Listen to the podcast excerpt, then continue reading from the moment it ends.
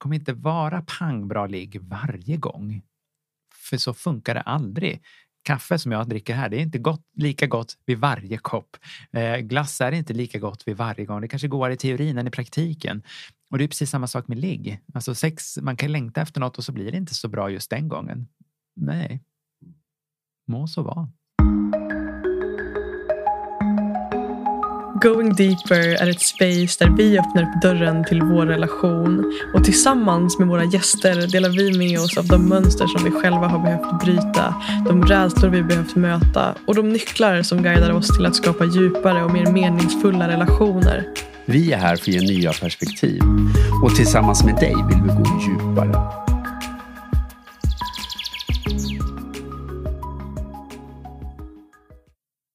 Veckans avsnitt så möter vi sexologen, psykoterapeuten och författaren Kalle Norvald för ett samtal om att leva tillsammans och kanske lyckligt. Vad behöver vi egentligen veta för att skapa en relation och ett sexliv som blomstrar? Kalle menar på att relationer är krävande och att om vi vill ha ett bra förhållande så måste vi också jobba på det. I det här samtalet så får du ta del av konkreta tips och verktyg för att göra just det. Jobba på relationen och sexlivet. Du kommer bland annat höra oss prata om hur vi kan hantera svartsjuka och vems ansvar det faktiskt är. Vi pratar om hur vi kan lära oss att bråka mer konstruktivt och hälsosamt och vi får också ta del av Kalle, Kalles tre viktigaste tips för att få en relation att blomstra och utvecklas. Om du gillar det här avsnittet så skulle det betyda så mycket för oss om du ville dela en recension i poddappen eller dela det här avsnittet på din story och tagga oss. På det sättet så hjälper du oss att sprida de här samtalen och hjälpa fler människor att få uppleva mer meningsfulla och hälsosamma relationer. Och är det så att du vill dela mer av reflektioner och tankar och perspektiv som dyker upp i dig kopplat till det här avsnittet så är du så välkommen att höra av dig. Mitt namn är Madeleine Mofjärd och du hittar mig enklast på Instagram under namnet Mofjärd utan ä. Tack igen för att du hjälper oss göra vårt arbete möjligt. Hej och välkommen Kalle Norvald till Going Deeper. Tack så mycket. Så fint att ha dig här. Ja, det är fint att vara här. Så precis, det var fint ni har det här. Som vi har längtat, tänkte jag säga, tills du skulle komma. det var lite semestrar som kom emellan, men nu är vi här. Precis, för oss Ja. båda. Ja. Mm. Så fint. Mm. Jag skulle vilja höra med dig Kalle innan vi dyker in i, i din värld. Ja. Vår värld får vi väl också säga. Det är Absolut. en gemensam värld vi rör oss i när det kommer till just relationer och sexualitet Mm. och så vidare. Skulle jag vilja checka in med dig hur du mår idag. Hur mår ditt hjärta? Mitt hjärta mår relativt bra. Eh, Jag har haft, eh, eller jag vet att jag har två och en halv vecka nu som är väldigt intensiva. Så jag försöker att checka in med mitt egna hjärta för att se att det är på rätt ställe. Men i morse när jag checkade in så satt det kvar och var, kvar. slog rätt takt och allt så det var bra. Mm, fint, det är med dig. Ja. Hur mår ni? Ja, jag skulle väl säga lite faktiskt liknande Ja. upplevelse som du. Också inne i en väldigt intensiv fas Mm. som eh, Ja, som jag upplever också att det, det finns något fint i det där att stanna upp och checka in. Vi Mm. pratade senast igår, ja, du och jag Peter, om, om det. Eh, också vad det gör med vår relation när vi båda är uppe i något väldigt intensivt. Och Absolut. var hittar vi liksom utrymmet att stanna upp och så vidare. Så att ehm, ja, det är liksom en väldigt peppad och inspirerad känsla jag har. Och mycket. Liksom. Ehm, Mm. Så att hjärtat är med mig Mm. och eh, jag får öva på att stanna upp. Jag hänger på det. Jag kommer från en eh, intensiv helg i Lund där min eh, son pluggar numera. Mm. Och förbaskat skönt att träffa honom. Jag har inte träffat honom på ett tag nu Mm. eftersom han pluggar där och flyttade i augusti. Och samtidigt, det är så mycket just nu. Att jag nog inte har hunnit landa riktigt tror jag. Nej. Så att jag, det är nog mitt fokus nu och vi har en kvälls eh, och så vidare. Att det, det är lite mycket så jag Mm. känner att jag inte riktigt eh, hinner landa in i mig själv. Så att där går mitt fokus faktiskt. Mm. Så tack för frågan. Ja. Huvudsaken är att man är medveten om det va? Yes, Så och tar någon om tid. Ja. Mm. Mm. Mm. Verkligen, det där är intressant ja, att se. För det har jag sett den senaste veckan. Jag var nämligen iväg på en utbildning i Norge. Jag kom Mm. hem igår kväll. Liksom, och egentligen så kan jag känna att jag har jättemycket behov av att och har haft under veckan att vara liksom i stillhet ensam mycket har jag känt en längtan efter. Och samtidigt har jag då varit i ett väldigt socialt kontext. Mm. Och just då kopplat till det här med behov att så här, oh shit nu har jag ett behov som jag typ inte riktigt kan uppfylla för att jag har de här förväntningarna på mig Mm. att vara i det här kontextet. Och också då har jag verkligen insett i veckan att det finns något väldigt fint i det där att se det. Så här, hej behov, jag ser dig, Mm. kommer se dig, eller jag kommer möta dig snart. Ja, Och nu behöver jag göra det här. Precis. liksom. mm, precis. det är fint. Utifrån det så tänker jag också innan vi går in på just det här samtalet. Vad skulle du säga att din uppmärksamhet och nyfikenhet går? Eh, om du bortser här Ja. och nu. Vad skulle du säga att din uppmärksamhet och nyfikenhet går just nu i, i din vardag? Vad skulle du säga då? Vilken bra fråga. Nej, men jag beskriver mig ju ofta och min ingång till den profession jag har valt att eh, uppta min tid med just för att jag är otroligt nyfiken. Och rent historiskt sett har min nyfikenhet varit så otroligt splittrad, vilket ju kanske förklarar varför mitt CV är så splittrat som det kanske är. Eh, men just nu i min vardag så är mycket, jag vet inte om jag skulle kalla det nyfikenhet, men jag är väldigt upptagen av eh, vad som sker i Sverige. Både liksom i, ja, men i riksdagshuset. Så jag känner mig väldigt upptagen av det. Mm. Yes. På gott och ont. Ja. Mm. Men det, det, det, det, det måste lösa sig. Mm. Mm.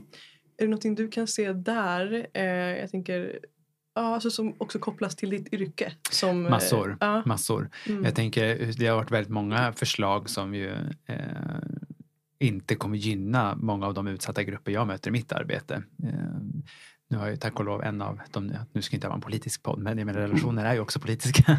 Exakt. Eh, att, eh, ja, men det, jag blev väldigt illa till mods när man började föreslå att man inte skulle få tillgång till tolk inom sjukvården. Och nu har ju i alla fall den nya vår, eh, sjukvårdsministern gått ut och sagt att det kommer inte gå.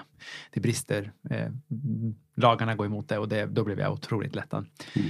Eh, Men det finns ju många andra förslag också. Det har ju varit som förslag, även fast vi har andra lagrum, det här med att slopa diskrimineringslagen. Eh, Det kommer ju med stor sannolikhet inte ske, men att det ens kommer på förslag gör mig orolig.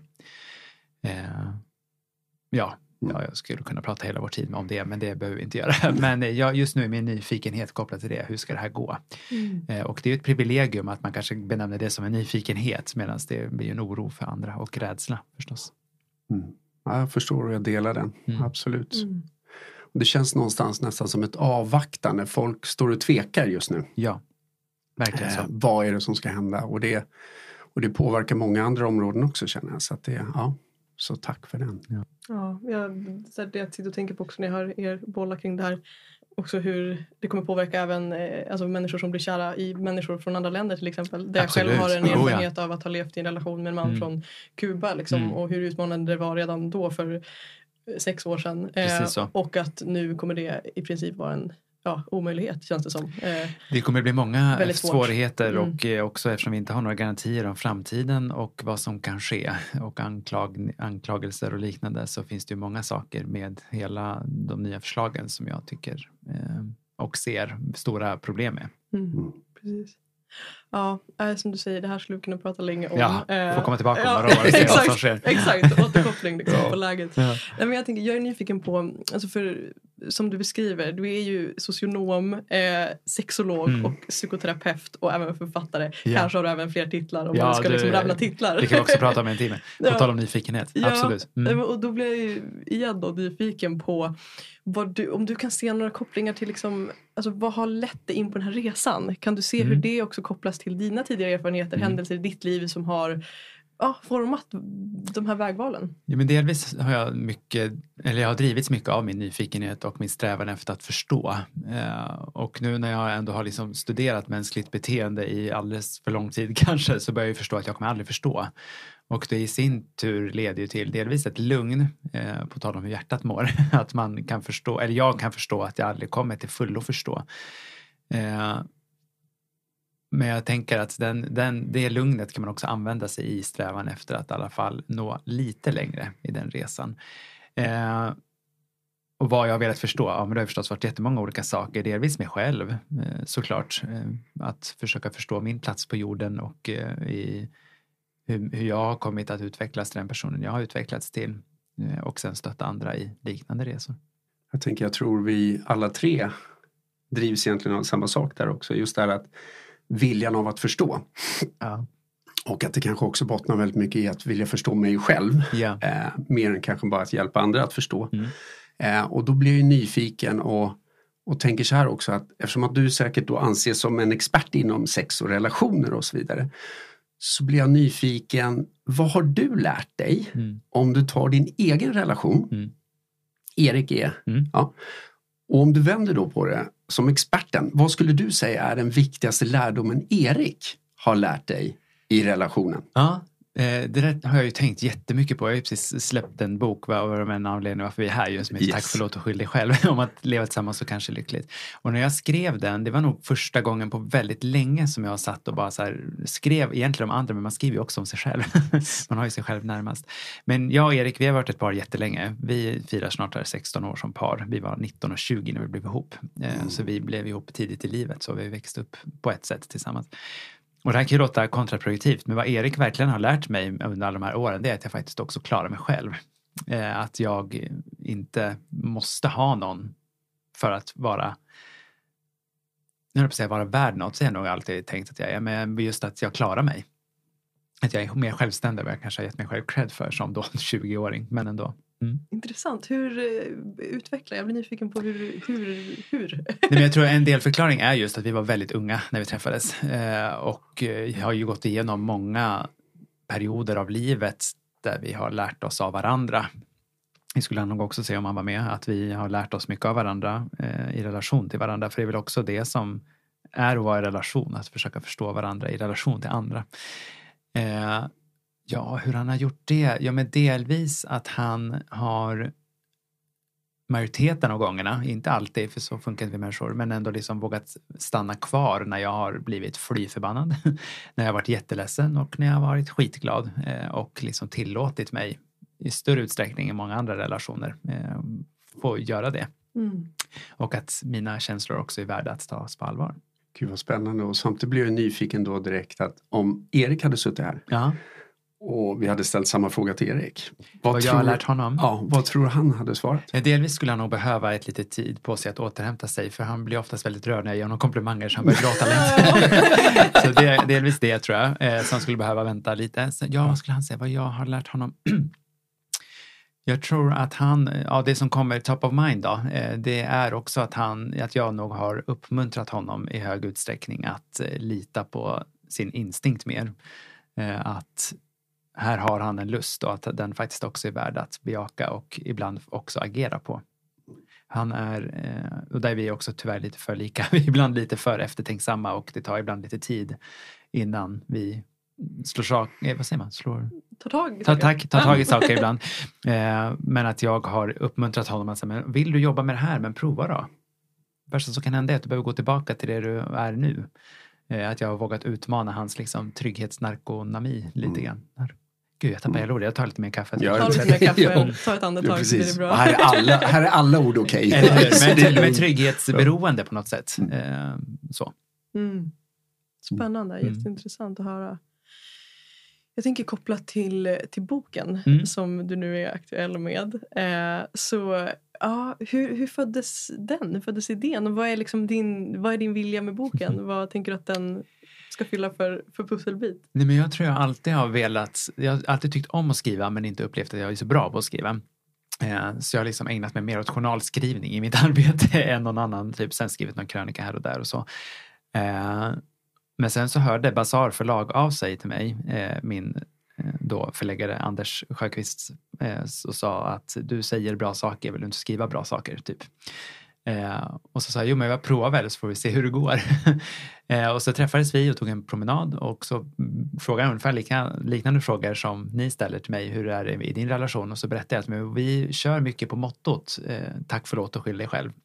Eh, för att liksom checka in med varandra och eh, försöka använda oss av humor när det går. Och han säger, då är ju titeln klar. Mm. Eh, sen skrev jag utifrån det. Eh, just att visa tacksamhet för varandra, be om ursäkt eller säga förlåt när man trampar i klaveret. Men också då, men skyll dig själv, du vet ju ändå vem jag är och vilken partner du väljer varje dag. För att just få till det här reaktionen som ni gjorde nu, att man fnittrar till lite och tänker så här, ja alla saker är inte alltid så allvarligt. Så det handlar inte om att vi ska skuldbelägga varandra, Mm. utan att eh, också ta ansvar för våra egna val. Mm. Det är fint, jag tänker det. Precis, skyll dig själv. Man skulle kunna se det på två olika sätt. Antingen att det är Verkligen. med humor eller typ att så här, göra sig själv till ett litet offer. Ja. Att så här, jag är som jag är så Precis. du kommer, ja så här, skyll dig själv, Ja. whatever. Och det är Men det, jag- det, är det jag humor, ja. betonar i boken också, att Ja. det handlar inte om att vi skuldbelägger varandra, så här, skyll dig själv din Exakt. obarnslig svordom, utan att vi liksom försöker inkorporera lite humor i det. Eh, för det vet man ju funkar också bra i psykoterapi att när det går att skratta åt ibland eländiga saker så är det lättare att ta till sig terapi. Just det. Och jag blir nyfiken då och om vi flyttar ner en, en logisk nivå till mer ett exempel på hur du skulle kunna använda tack, förlåt och skyll dig själv. Mm. Hur, har du något sånt praktiskt exempel på hur Mm. du liksom använt det här mantrat? För det var ju någonting vi bägge två när vi läste boken just det här att älskar ju den titeln. Ja. Och jag förstår att titeln kom snabbt Ja. någonstans. Så Mm. att eh, den är så självklar. Mm. Hur använder ni den? Alltså det mantrat liksom. Ja, vi... Det här är också man behövt rannsaka sig själv när man just skriver boken utifrån ett mått man själv använder sig av. Men vi använder den så fort vi känner ett behov av, oavsett liksom tacksamhet, be om förlåtelse eller eh, när vi behöver ta ansvar för något som vi själva gör eller liknande. Eh, jag sa det senast igår, eh, vi har ett sommarställe som är liksom ett eh, halvrötet 1800-talstorp som vi kommer behöva jobba med lång tid. Eh, och jag kanske inte var på mitt bästa humör när jag kom hem för jag var trött, jag var hungrig, jag var lerig och eh, ja, allmänt förjävlig. Och då så slog jag till och sa det, tack förlåt men skyll dig själv. eh, och då skrattade han till och sa, det är okej, gå och duscha. Eh, så det är ju liksom också Just det. som ett det, enkelt sätt att bara, vi vet vad vi menar. Ja. Eh, och så tar vi liksom in det och så får vi möjlighet också till, ah, oavsett distansera oss till varandra kanske genom att jag går och duschar och han gör något annat. Eh, för att liksom checka in med oss själva och sen Mm. förenas. Mm, det gillar jag. Fint. Ja. Mm. Det låter också som att det har blivit liksom en ankring i er relation. Att när, Ja. när den ena säger det så vet den andra att så här, okej, Precis så. nu vet vi. Ja. Ja. För att också inte gå omkring och liksom vara tysta och vara sura utan att vi kan eh, vad ska man säga, bekräfta att läget är som det är just nu. Men vi pratar om det när det inte är lika taggigt. Eh, för då finns det risk att det liksom blir destruktivt. På tal om att saker kan bli taggiga Mm. eh, så tänker jag att eh, du möter enormt mycket par och Ja. individer Mm. gissar jag också. Mm. Eller, hur? Ja, eller ja, par består ju också av individer. Ehm, och då undrar jag, vad, vad kan du se för mönster i, i de utmaningar Mm. som paren slash individerna kommer till eh, kommer med till dig. Mm. Eh, är, finns, det, ja, finns det några mönster du kan se i de utmaningarna som du ser som vanligast kanske? Jo, men det, det finns ju en anledning varför vi psykoterapeuter tjatar om det här med kommunikation. Va? Det är ju ofta att man inte kommunicerar på ett konstruktivt sätt. Eh, och att man också förväxlar begreppet kommunikation med att typ bara vara där. Eh, eller bara låta. Liksom. Eh, men att kommunicera är något djupare än så. Eh, att ibland behöver man ju också, precis som jag märker att ni två gör nu, ni har era blickar vända mot mig, ni sitter och nickar inkännande och jag, hör, jag märker verkligen att ni lyssnar på mig. Medan jag träffar väldigt många par eh, som gör tvärtom. Alltså tittar inte på en, kanske kollar ner, sitter och fipplar med sin kaffemugg och tar upp kanske var fjärde ord. Och att man också måste Kom igen nu. Mm. att ibland, och det händer att jag ibland klappar i rummet så här. Hörni, nu märker jag att ni inte är här. Och då reagerar de precis som du gjorde nu också. Så här, "Ja, oj, eh, för att de är någon annanstans.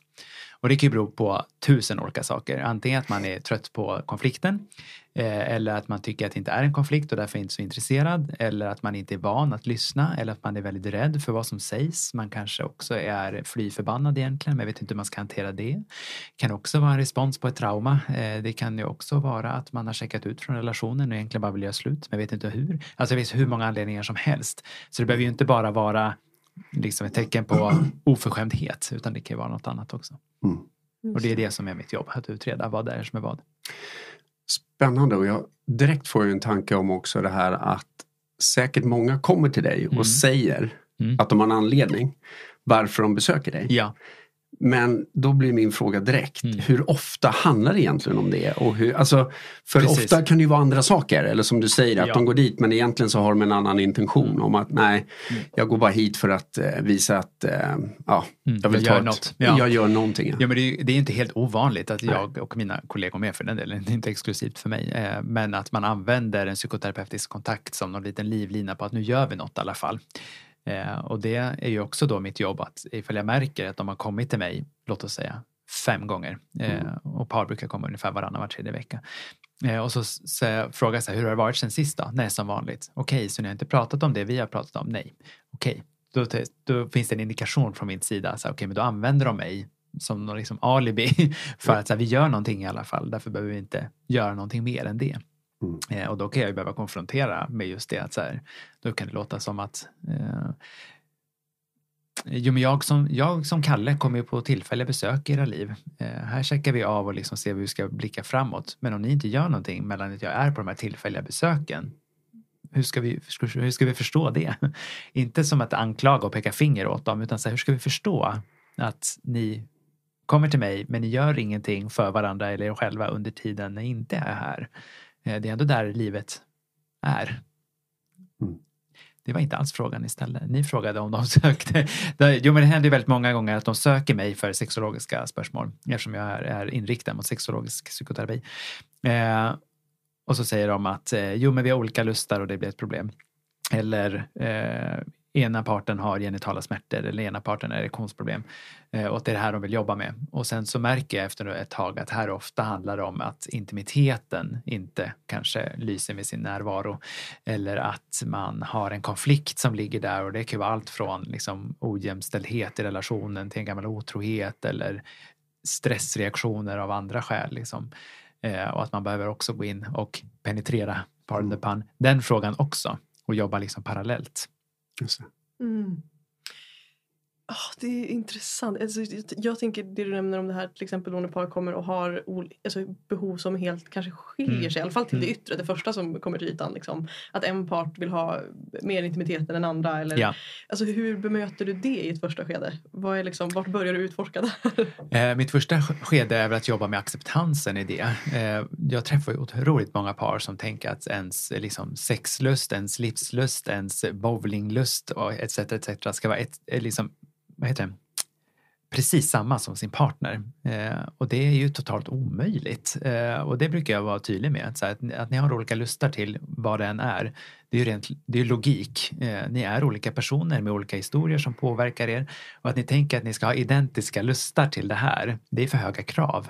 Eh, och att det handlar väl många fler gånger att liksom mötas och se vad som kan ske i själva mötet än att vänta på att ni ska vara exakt 93 procent kåta båda två för då kommer ni behöva vänta Då länge. Ja, då kör vi. Ibland kan jag fortfarande bli, alltså nu har jag jobbat med sexuell och reproduktiv hälsa och rättigheter i snart 20 år, men jag kan ändå bli ibland så här paff att två människor vill ligga samtidigt. Att överhuvudtaget, det är ju egentligen rätt knasigt. Att det Och tänk då på människor som lever flersamma, blir ännu knasigare. Just att vi liksom ska vänta på att vara identiska i våra lustar. Mm. Det är, det är en ganska lång väntan på det tror jag. Eller vet jag. Ja, och jag, direkt så växer ju någonting när du säger det för att jag vågar säga för oss handlar det väldigt mycket om, och är tillbaka egentligen där du började, där med Mm. att förstå. Eh, och det jag märker framförallt med Madeleine att hon och jag tränar ju mycket på att förstå varandra. Ja. Och det kan handla allt om strategier utifrån anknytningsmönster Absolut. eller strategier, vad har vi egentligen för sexuallust eh, just här och nu. Och, var, alltså, och ju mer jag förstår Mm. desto bättre kan jag möta. Och då Mm. tänker jag det här istället för att ha 93% bägge två, det låter som en utopi att det är Ja. svårt. Men Ja. däremot att förstå Ja. vad är det som eh, triggar eller går, gör att Madde går igång. Mm. Och ju mer jag kan förstå det och också lämna mig själv ibland. Mm. För jag tror att en del i relationer har så mycket fokus på sig själv Mm. och sina behov att det är ibland svårt att upptäcka, men vänta, hur kan jag möta min partner på bästa sätt? Ja. Så jag kan ju tänka mig att det också blir någonting du får jobba mycket med Mm, när det kommer till vara. relationer. Eh, Det är ju en förklaringsmodell som funkar för vissa par. Eh, Sen kan det också vara på andra sidan Andra sidan av myntet kan ju vara tvärtom. Att man liksom glömmer bort sig själv helt och hållet och bara fokuserar på sin partner. Och det kan ju vara jättespännande i en sexuell lek till exempel. Men att ha det som ett relationellt mönster, det kan ju vara lika farligt som om man bara tänker på sig själv, alltså båda två. Yes. Eh, utan vi behöver ha den här jävla balansen. Eh, nu svär jag er podcast, jag vet inte hur ni har det. Ja, det är inte psykoterapeutiska. Men alltså, vi behöver ha den här, eller vi strävar efter den här jävla balansen som är så fruktansvärt svår att få till. Och att man då tänker jag, det är det jag också jobbar jättemycket med. Så kan man få till en acceptans i att det kommer inte, alltså, kommer inte vara pang bra ligg varje gång. För så funkar det aldrig. Kaffe som jag dricker här, det är inte gott, lika gott vid varje kopp. Eh, glass är inte lika gott vid varje gång. Det kanske går i teorin än i praktiken. Och det är precis samma sak med ligg. Alltså sex, man kan längta efter något och så blir det inte så bra just den gången. Nej. Mm. Må så vara. Mm. Och det försöker jag också jobba jättemycket med. Både med individer, par och flersamma. Att just komma till den insikten att sex kan ju ibland också vara liksom rationellt att vi tänker att jo men vi vill ligga mer. Mm. Men att när man sen då går ner på djupet och penetrerar den frågan ännu mer så handlar det snarare om att man längtar efter närhet. Och det är min erfarenhet. Många par som kommer med olika behov till närhet och sexual, eller till sex kommer de ju till mig och frågar om. Eh, så handlar det mer om att de saknar en bekräftelse, att de vill ha en intimitet eh, och tid med varandra snarare än liksom åka in i varandras kroppar. Det Mm. handlar om egentligen. Mm. Mm. Och att det kanske också i sin tur skulle föda mer eh, Mm. sexualitet. Mm. Alltså, Och det finns och- hur mycket forskning på som Mm. helst. Eh, Medan det finns par som har lite olika förklaringsmodeller till det. Att så här, jag vill ha vara intim med dig när vi ligger. Ja, men jag, kan, jag, Mm. ligger, jag, kan, jag känner bara en lust att ligga med dig när vi är intima annars också. Mm. Och så fastnar man sig så i sina egna perspektiv, precis som du var inne på. Eh, Medan istället försöka liksom luckra upp det lite och tänka, okej, men hur kan vi kompromissa? Mm. Eh, och det är väl liksom nackdelen på det här eh, moderna fenomenet att vi tänker att vi ska förverkliga oss själva hela tiden. Nu är jag ju för det. Eh, till viss mån. Men om vi bara tänker att det är det som är liksom målet med livet, att förverkliga oss själva, ja men då kommer vi vara asjobbiga att vara i relation med. Utan vi behöver ha den där jävla balansen och Mm. våga växeldra i det. Och det tycker folk är väldigt provocerande. Mm. Men välkommen till livet vill jag ju då säga.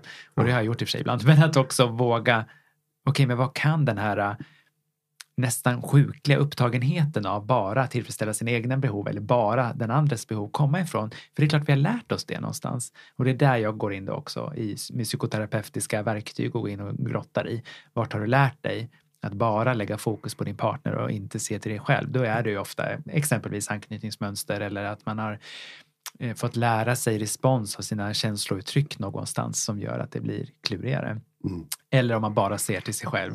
Kan det ha varit ett skydd? Till exempel att man må, om, jag ba, om jag måste ta hand om mig själv för att ingen annan gör det. Mm. Eh, och då behöver man jobba med det. Mm. Mm. ja, vem, vems behov ska tillgodoses? det är fint, det pekar på mig. Ja.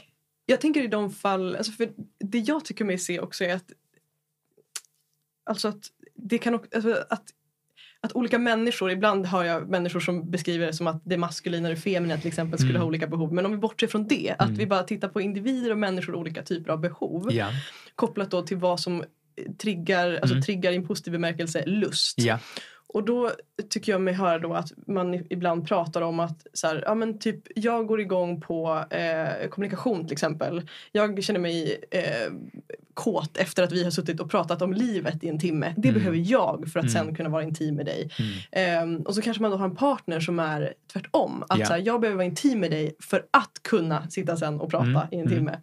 mm. Eh, och det är bara ett exempel tänker jag på behov som så här, fundamentalt, i alla fall utifrån om man tittar på det i en första anblick, krockar. Ja. Här har vi två behov som helt Mm. krockar. Liksom.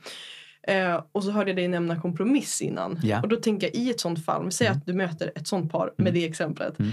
Hur skulle du liksom vägleda dem till att hitta en kompromiss som inte kanske heller behöver innebära att de båda ska eh, gå emot sina behov. Nej, precis. behoven är ju liksom validerade. Ja, oh ja, utan tvekan. Utan tvekan.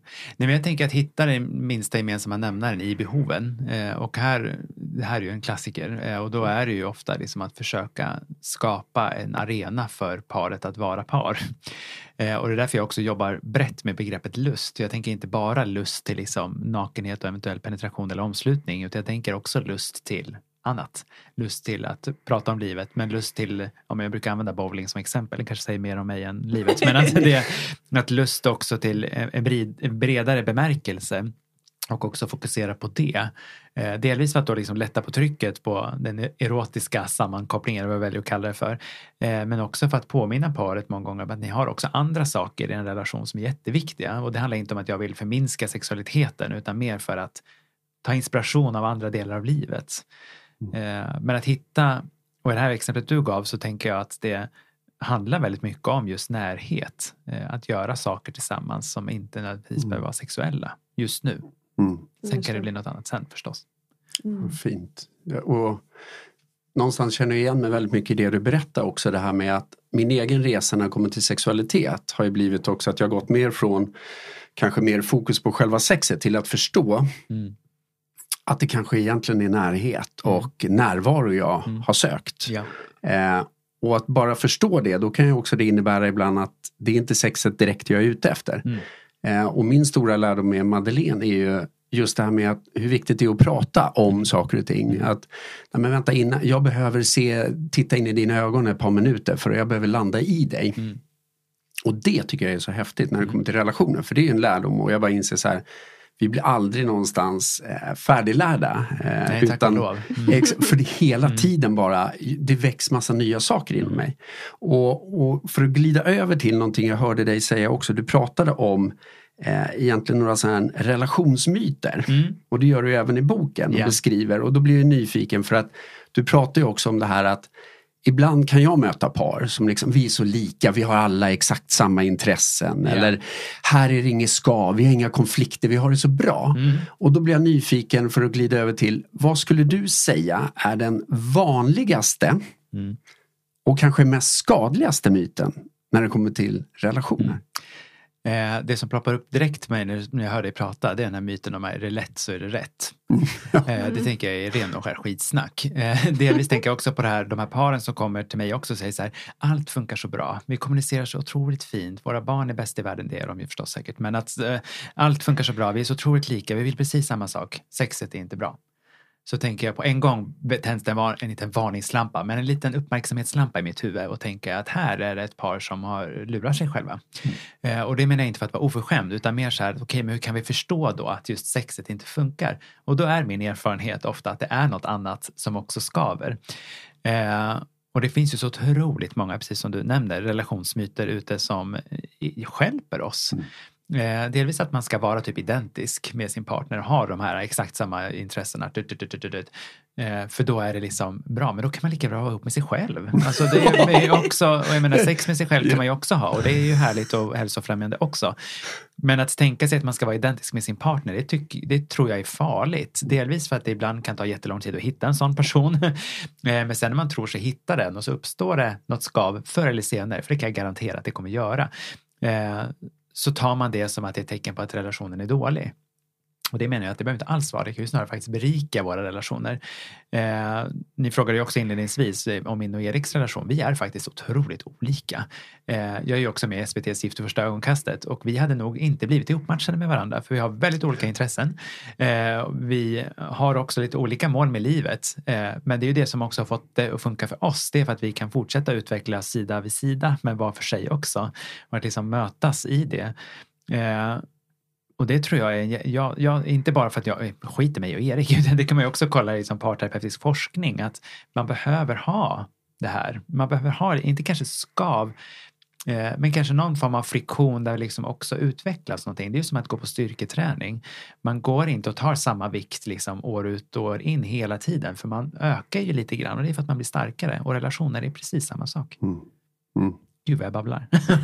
Det är meningen. Ja, bra. Så det är lugnt. Du är på helt rätt plats. Ja, precis. Du behöver Go inte vara deeper. orolig för det Ja, kan go jag säga. deeper, exakt. Mm. Ja, men det där är jätteintressant. Det är så intressant. För att när jag hör dig prata så tänker jag också direkt på, då kopplar jag det till min och Peters, till vår relation. Mm. Att För man jag- gör ju det när den man har närmast ja, så gör man ju exakt. det. Nej, Inget men, konstigt. och, och då tänker jag ju direkt så här att, att jag förstår och hör det du säger. Mm. Och samtidigt så tänker jag så här att för mig så är ju upplevelsen ändå att vi är sjukt lika. Ja. Alltså vi har ju så, det, är, vi det är nästan läskigt på många sätt. Och samtidigt så finns det ju väldigt mycket inom oss som också är olikt. Så det beror ju också tänker jag på, eller det som då växer i mig är ju Mm. också att det beror helt på vad man menar med olikheter. Ja, precis. Jag Att vi- skulle ja. slu- summan kudden, men man är ju Mm. just det, för man kan ju vara väldigt lik. Nu kan ju låta som att jag tänker att ja, men då ska ni göra slut för ni är alldeles för lika. Det Ja. menar jag ju inte.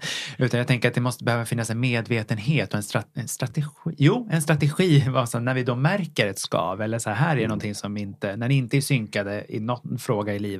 Ja, men att man kan hantera och möta det. Mm. "Ah, nu måste vi göra slut, nu måste vi boka tid hos Kalle för att göra slut på bästa sätt. Nej, utan här har ni en förmåga att kunna mötas och se vad händer här. Go deeper också mellan er två. Exakt, exakt. Och jag tänker ju så här också för att för mig är ju vi extremt olika i en hel del saker. Ja. Jag är idrottsnörd utan dess like. Alltså Mm. vi har lite olika intressen där.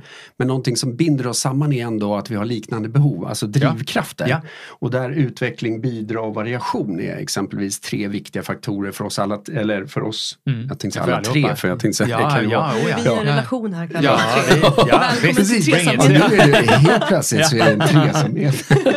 Nej, men, och det har jag märkt ändå underlättar. Ja, Eh, För jag har tidigare relationer där utveckling kanske inte har varit samma drivkraft. Nej. Och det behöver inte vara rätt och fel. Men att om då trygghet eller någonting annat är mer viktigt. Mm. Och där kan jag känna igen mig att där har ju vi en alltså likhet i drivkraft. Exakt. Ja. Och det jag tänker också, precis, det finns mycket fundamentalt som är likt och sen har vi, jag upplever att till exempel i konflikter så har vi extremt olika strategier i hur vi hanterar det. Mm. Alltså att vi, eller våra, Exakt. våra Mm. invanda strategier i alla Ja. fall. Sen jobbar vi på våra Mm. gemensamma liksom, medvetna strategier och utvecklas i konflikterna. Vilket är relationsarbete, eller hur? Ja, exakt. för vi Mm. alla, jag menar, ska inte outa min rela- jo men jag gör det lite till. Min och, Eriks, min och Eriks uppväxtsituation är väldigt olika. Vi båda, vi båda har liksom, ja, vi har föräldrar och eh, Erik har två väldigt mycket äldre syskon. Jag har ett syskon som är liksom ett och ett halvt år äldre. Så vi har lite olika konstellationer på så sätt. Eh, Erik är uppvuxen på landet, det är inte jag. Eh, Så vi har ju många olika strategier som vi också förstås har tagit till oss när det kommer till just konflikter exempelvis. Som eh, inte har hjälpt oss i början. Vi har traditionellt sett varit ganska dåliga på att bråka. Varav vi också valde att skriva ett kapitel om att bråka snyggare i boken är ju också för att veta att det går att lära sig. Eh, och när man möter på ett skav eller ett hinder eller vad det man kallar det för så går det att lära sig att bråka. För det är ju en färdighet.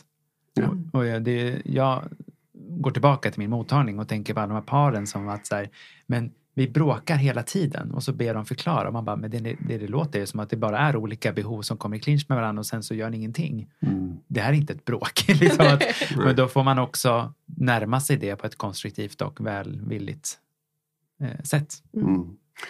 Och på tal om bråka så tänker jag, för det är någonting vi tränar på. För Mm. jag har också Bra. egentligen inte varit så himla duktig på det. För vi har nog varit mer, eller i tidigare relationer, alltid så bra. Och det är en undanflykt Mm. i sig. Mm.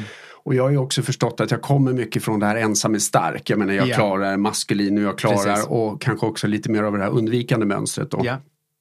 Eh, och då få möta någonting annat. Ja. Att bli varse och liksom, oh shit, det här är någonting vi behöver träna på. Att Mm. kunna gräla. Och då blir jag nyfiken på när det kommer till konflikter och gräl.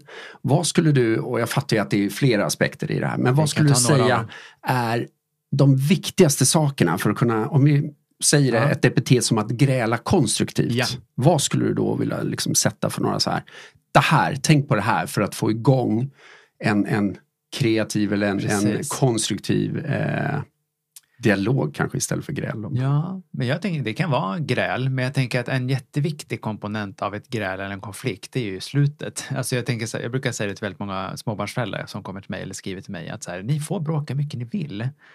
Ish. Eh, men ifall det är barn som ser, då måste, ni, då måste ni också visa barnet att ni gör eller säger förlåt. Det är liksom det här som är det viktiga. För då kan man också lära barn liksom konstruktiv, eller så vackert som det heter i litteraturen, en adaptiv ilska. Mm. En som fungerar. Eh, för jag menar, just ilska är en affekt eller en känsla som vi i västvärlden är väldigt dåliga på rent generellt sett. Vi är lite rädda för den. Vilket då också gör att vi inte bråkar överhuvudtaget. eh, men jag tänker att vi behöver visa barn i vår närhet att det går att bråka men då kan man också förenas i det.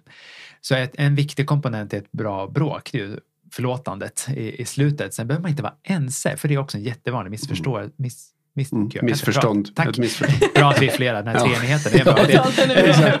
Det. Eh, Men det är också ett vanligt missförstånd är att man tänker att en, eh, ett förlåt ska innebära att man då också är 100% ense. Nej, alltså det är absolut inte. Man kan också agree to disagree någonstans men också att förenas i att ja, men vi tycker olika och det är också helt okej.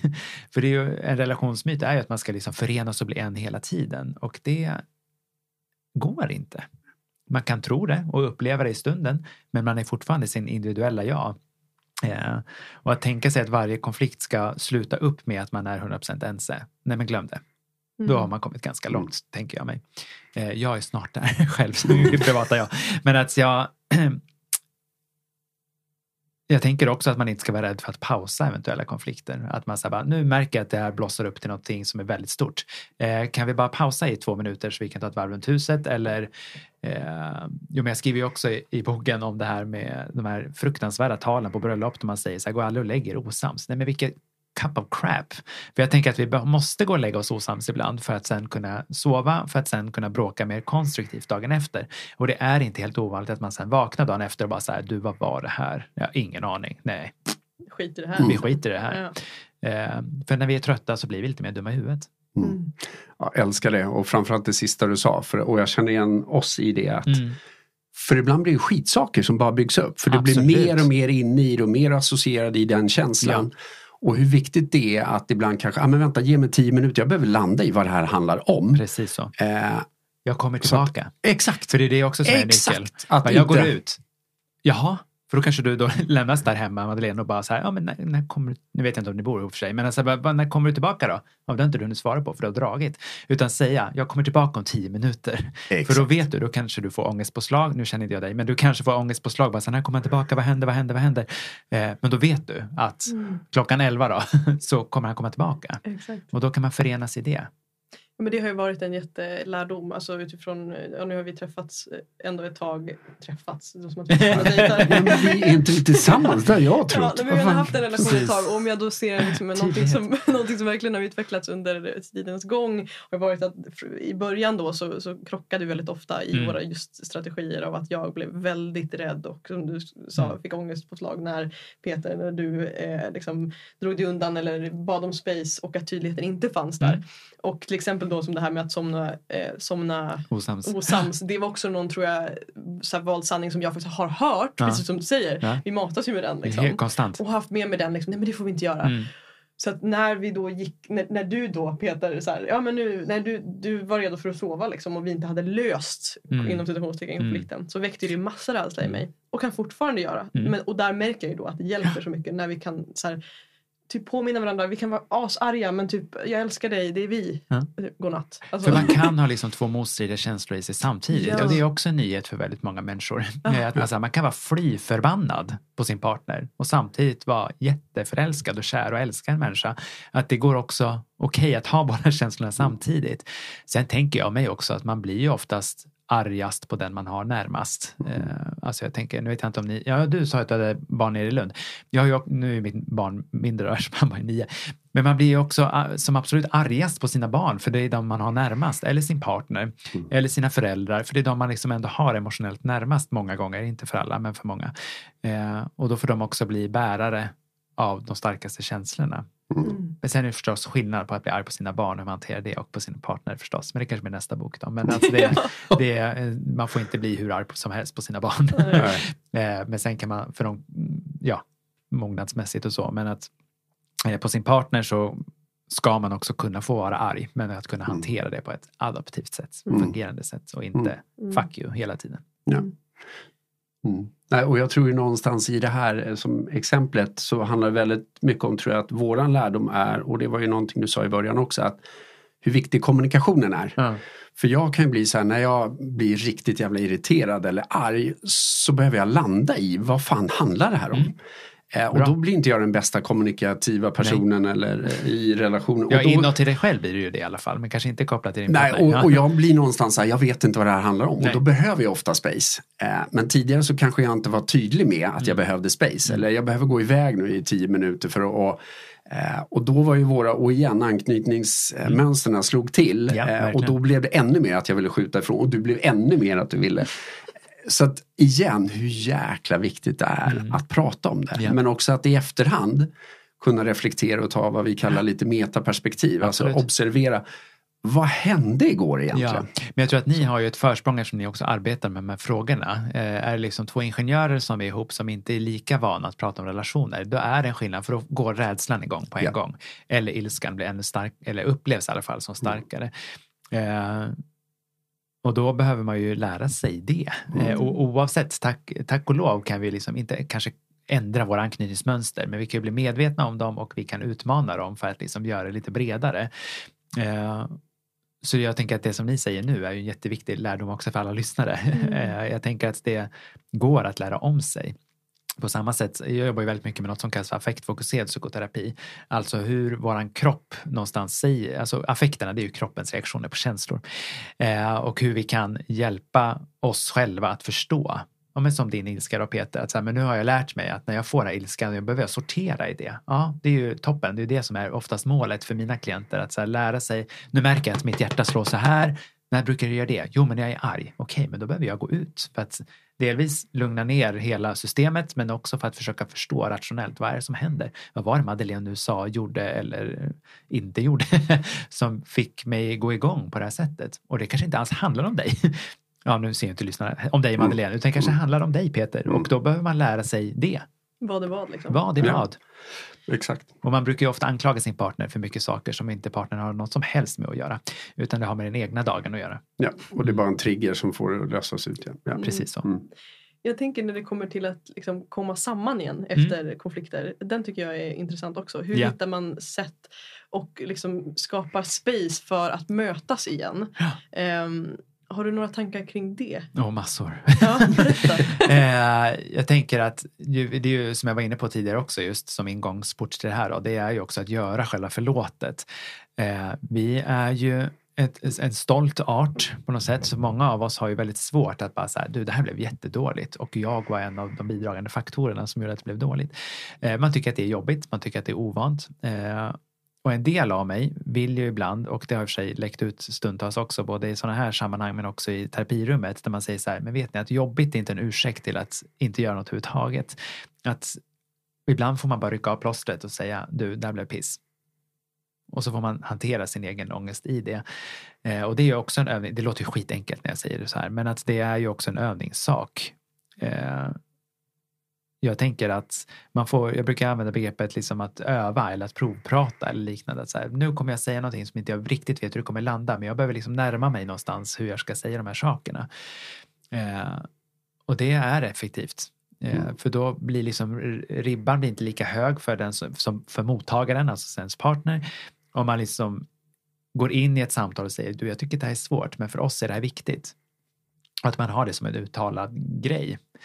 Eh, precis som tack, förlåt och skyll dig själv i min och Eriks uttalade grej som vi använder oss av för att nå varandra så kan också det vara eh, en replik att använda sig av att nu vill jag testa eller nu vill jag provprata. Eh, för då blir det inte lika allvarligt och då blir det också en ökad förståelse att säga okej, men det du nu när Madeleine ska be mig om ursäkt då.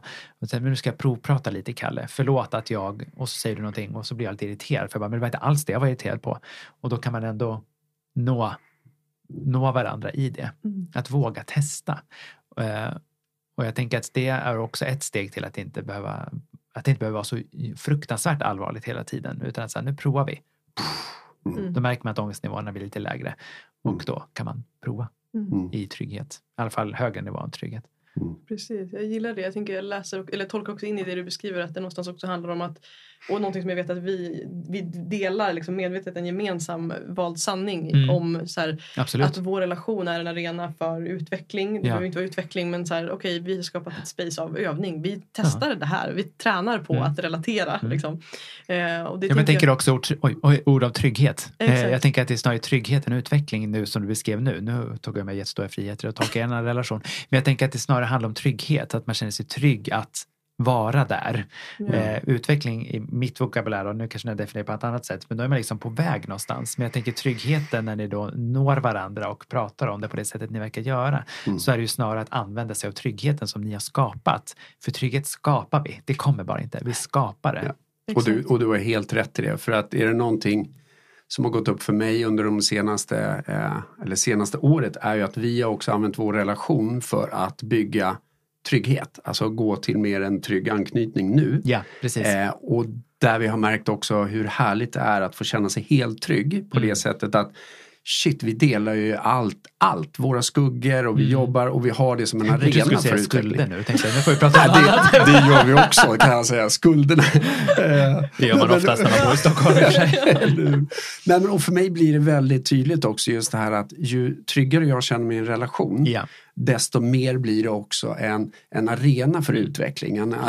arena för att prova på. Mm. Och då blir det inte allt på blodigt allvar. Eh, och det är, är det någonting jag verkligen vill Mm. eh, tipsa om är ju att verkligen se relationen som en arena för.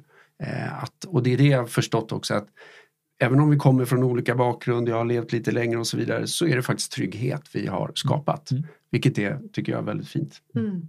Ja men precis och jag tror att det jag menar och vill komma till var nog mer också till exempel om man kopplar det till det här att vi, vi pratade tidigare om det här med myter. Vilka myter Ja. eller valda sanningar om jag Ja. använder det ordet har vi om relationer och att om vi går in i ett kontext eller i en relation med en liksom, vald sanning eh, om att här finns ett utrymme för mig som du då beskriver också baseras i tryggheten mm. där vi tillsammans kan öva på de här Precis. frågorna så blir det också, eller som du säger provprata, så Mm. blir det också mer tillåtande att faktiskt testa. Ja. Jag Och jag älskade din formulering valda sanningar, för det är ju, det är ju verkligen så det är. Mm. Men du kan ju lika gärna ha valt din sanning om att Peter är en idiot. Precis. Eh, men som motbevis, nu har jag i och för sig bara träffat dig en timme, Mm. men att... Och redan har du bestämt Och det. redan har jag bestämt mig. Eh, men att, så här, och att då, trots att han då är snäll, för jag tänker det är väldigt många som jag träffar som har varit med om traumatiska relationer, alltså partnervåld eller våldtäkter eller liknande, som just inte kan, eller har förmågan just idag att välja en annan sanning än att alla vill mig illa. Eh, och då får man ju jobba med att säga, men okej, så hur, då jobbar jag med något som kallas för relationell psykoterapi. Alltså, men hur blir det för dig då att sitta här med mig och berätta om det här? Så använder jag liksom min relation till min klient eh, som att säga, men jag sitter kvar här. Även fast du berättar saker som du mår väldigt dåligt av, jag är kvar här. Eh, och då för att liksom vidga förmågan till att välja andra sanningar. Mm. Jag tyckte valet sanning var svinbra formulerat. Den Precis. kanske jag snor i något sammanhang. Jag tyckte att det var fint. Men, och den jobbar vi mycket med för att ibland kan det vara som så att jag inte ens är medveten om vilka valda sanningar jag har om relationer och om sexualitet. nej, nej, nej. Och då är det det första steget kanske, att Såklart. lyfta upp det på Ja. bordet. Shit, Ja. jag har en vald sanning om Ja. att om jag visar passion i vår relation, då drar du. För det är tidigare erfarenhet. Ja. Alltså vill inte jag visa, alltså att bara bli medveten om det i en relation är ju fantastiskt. Och förstå också att har jag en gång valt det, Mm. då kan jag välja om. Och det är ju faktiskt trixigt, även om det kan vara tufft. Mm. Ja men absolut. Eh, Men livet är tufft. Ja. Eh, Och det Kan ju- vara. Ja, eh, Ja. alltså stundtals i alla fall. Yes. Sen är det ju liksom klart, ingen av oss vill må dåligt. Vi vill ju gärna ha den här jävla balansen och må bra.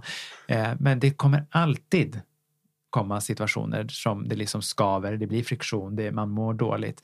Men har man liksom jobbat med de här frågorna eh, tidigare så kommer man ha större sannolikhet att gå mer helskinnad ur saker och ting. Eh, det är därför också valda sanningar klickar i hos mig. För jag tänker att ja, man behöver liksom ha en bredare repertoar av sanningar. Det är därför jag svarar på frågor i media i lite olika sammanhang. Eh, och när man får eh, svar bland annat på frågor i Göteborgs-Posten och så har man liksom 3 500 tecken på att svara och det, ofta är ju frågorna så här, ja å ena sidan och å andra sidan, ja nej och kanske. Men då behöver man ju så här, pff, koncentrera ett svar. Men sanningen är ju att man skulle kunna skriva alla sidor av Göteborgs-Posten på en och samma fråga. För det, vi är så olika och vi har olika vanor, vi har olika inlärningssätt och vi väljer på olika sätt och vi reagerar på olika sätt. Så det är så otroligt komplext att vara människa. Och det tänker jag väl också är något som vi, eh, ytterligare en relationsmyt är väl att man tänker att man liksom ska bli komplett i en relation. Men vi fortsätter ju utvecklas i andra relationer till vänner, familj, arbetskompisar etc. Eh, och att det här liksom är en resa som vi håller på med länge. Mm. Och vi lär om oss. Mm. Och vi Precis. lär oss nya saker. Mm. Verkligen. För det brukar jag dra en halvlöjlig liknelse när jag undervisar ungdomsmottagningar i sexologiska frågor. Att så här, men jo, men tänk er själva när ni var 13-14 och så idag när ni kanske är 36, 46, 76. Ja, men vi tänder ju inte på samma sak sexuellt när vi var 14 som 50 år senare. Tack och lov för att vi utvecklas. Och det gör vi i många andra aspekter, inte bara sexualitetsmässigt utan också i relationer. Vi har olika, och det tänker jag för många som har långa relationer bakom sig och fortfarande ihop med den personen. Ja, men ens relationella behov ja men igen då, mig och Erik. Mina relationella behov när jag var 20 är ju olika då från när jag är idag när jag är snart liksom fyller 37 nästa år. Det är olika för att livet har gått. Jag har lärt mig nya saker. Jag, e-, Erik har också utvecklats som har fått mig att omvärdera saker och ting i livet. Vi har också nu höll jag på att säga råkat få barn. Vi har inte råkat få barn. Det är väldigt välplanerat barn. eh, eh, vi har också träffat nya vänner som har utvecklat oss på andra sätt. Det händer saker i Mm. livet. Hur har ni, jag tänkte precis ställa dig den frågan, vilket är intressant att du då hamnar på just det temat. Det här med hur, för jag tänker i, nu har jag och Peter bara, vi har liksom känt varandra i två och ett halvt år i princip. Mm. Eh, och, och, jag blir, och jag har själv då ingen erfarenhet av att ha liksom, en relation över så pass lång tid som Nej. ändå 16 år eller Peter du kommer från en 22-årig relation. Ja. Hur har, jag tänker du och Erik då om jag får Mm. fråga rent rakt på sak utifrån er relation. Hur har ni hanterat de här liksom, skiftena där ni Mm. kanske har klivit in i så här, nya versioner av er själva? Att det har fötts nya typer av behov eller nya eh, sidor av er, er Mm. har fötts fram och så vidare. Om Mm. du hänger med på frågan. Men, ja, men jag tror det. Men jag tror att vi, alltså, på, på den, i den aspekten är vi nog ganska normativa på så sätt att stundtals så gör, alltså som många andra par som jag också träffar i mitt jobb, att vi inte lägger märke till det eh, förrän när vi lägger märke till det. alltså när saker och ting sker, eh, så i stunden så kanske vi inte märker det. Sen går det liksom ett år eller två och sen bara, men, uh, uh, och då behöver vi liksom connect the dots någonstans. Att jaha, men det beror ju på det här. Och då försöker vi i alla fall prata om det. Jag har glömt din fråga. Ja, men jag tänker det här... Alltså, På tal om att lyssna. Precis, Ja. ja. nej, men frågan var just det här hur, hur, hur man slash hur Ja. ni hanterar eh, skiften. Mm. Jag, hör, för jag hörde, och innan du får tänka medan jag fortsätter Ja, prata bra. här. Men jag vill lyssna så, också. så mötte jag ett par som, eh, som hade varit tillsammans i, undrar om det var över 20 år. Ja. Som, och, hon, och då frågade jag henne, så här, vad har varit er nyckel till Mm. att eh, hålla eran, alltså kärleken och passionen Ja, levande i så många ja. år? Och det var så vackert, för då svarade hon, hon sa att det har handlat om att eh, att, att välja att älska den, alltså den nya eh, Mm. Marcus ja. hette hennes partner. Ja. Att älska varje Precis. version av honom. Ja. Liksom. Jo, men det skriver jag också i boken eh, och jag tänker att det och jag också säger det till de, av, de paren jag har haft i Gift ögonkastet säger också det att, så här, i och med att vara i relation, man väljer varandra varje dag. Eh, och det är någonting som mitt, mitt första par när jag var med i den här tv-serien, jag vet inte om ni har sett den, men de, de heter Maxine och Emil och de är fortfarande gifta och har faktiskt nu en liten tös också. Eh, och de kör ju fortfarande på det som jag uppmuntrade dem när inspelningen slutat, så här, välj varandra varje dag om ni nu vill det. att man också aktivt, det, det ligger lite under det här skyll dig själv eh, i vårt motto, att så här, vi gör ditt aktiva val att välja din partner. Eh, precis utifrån så här, vem, är, du- vem är du idag och fortsätta välja det. För det, finns, det är också en relation som pekar på er som att, igen då, som Peter också var inne på, de här relationsmyterna, att man tänker bara man får den här lilla metallbiten som jag råkar ha runt ring, eh, vänster ringfinger. Det är en väldigt så här, sexologisk kulturell symbol för äktenskap eller förlovning, äktenskap i mitt fall. Eh, att man tänker bara man får den här så är man klar. Mm. Nej, det är väl också en jättestort problem som många fastnar i. Att man tänker, ja, nu är jag gift, nu är jag klar. Mm. Nu kan jag sätta mig här och kolla på Netflix resten av mitt liv. Nej, utan man måste fortsätta relationsarbeta. Eh, och det är väl lite så som är min, min och Eriks nyckel har varit mycket att vi har fått, gett, fått fått tagit och gett varandra utrymme att göra våra Mm. egna saker men sen komma tillbaka till varandra. Eh, det är en av anledningarna också för jag, inte bara därför utan det finns ju forskning på också, men det här att eh, relationer behöver både distans och närhet. Att man behöver distans till varandra för att fördjupa och upprätthålla egna intressen, andra relationer, eh, arbete, studier etc. För att liksom ändå vara i kontakt med sig själv. Men sen behöver man närhet för att också skapa och upprätthålla relationen till sin partner. Eh, eventuellt ligga om man är lagd åt det hållet, eh, prata, mysa, städa, göra de sakerna också. Men sen behövs den här växlingen. Och i vissa perioder behövs det mycket mer närhet och i andra flera mer distans.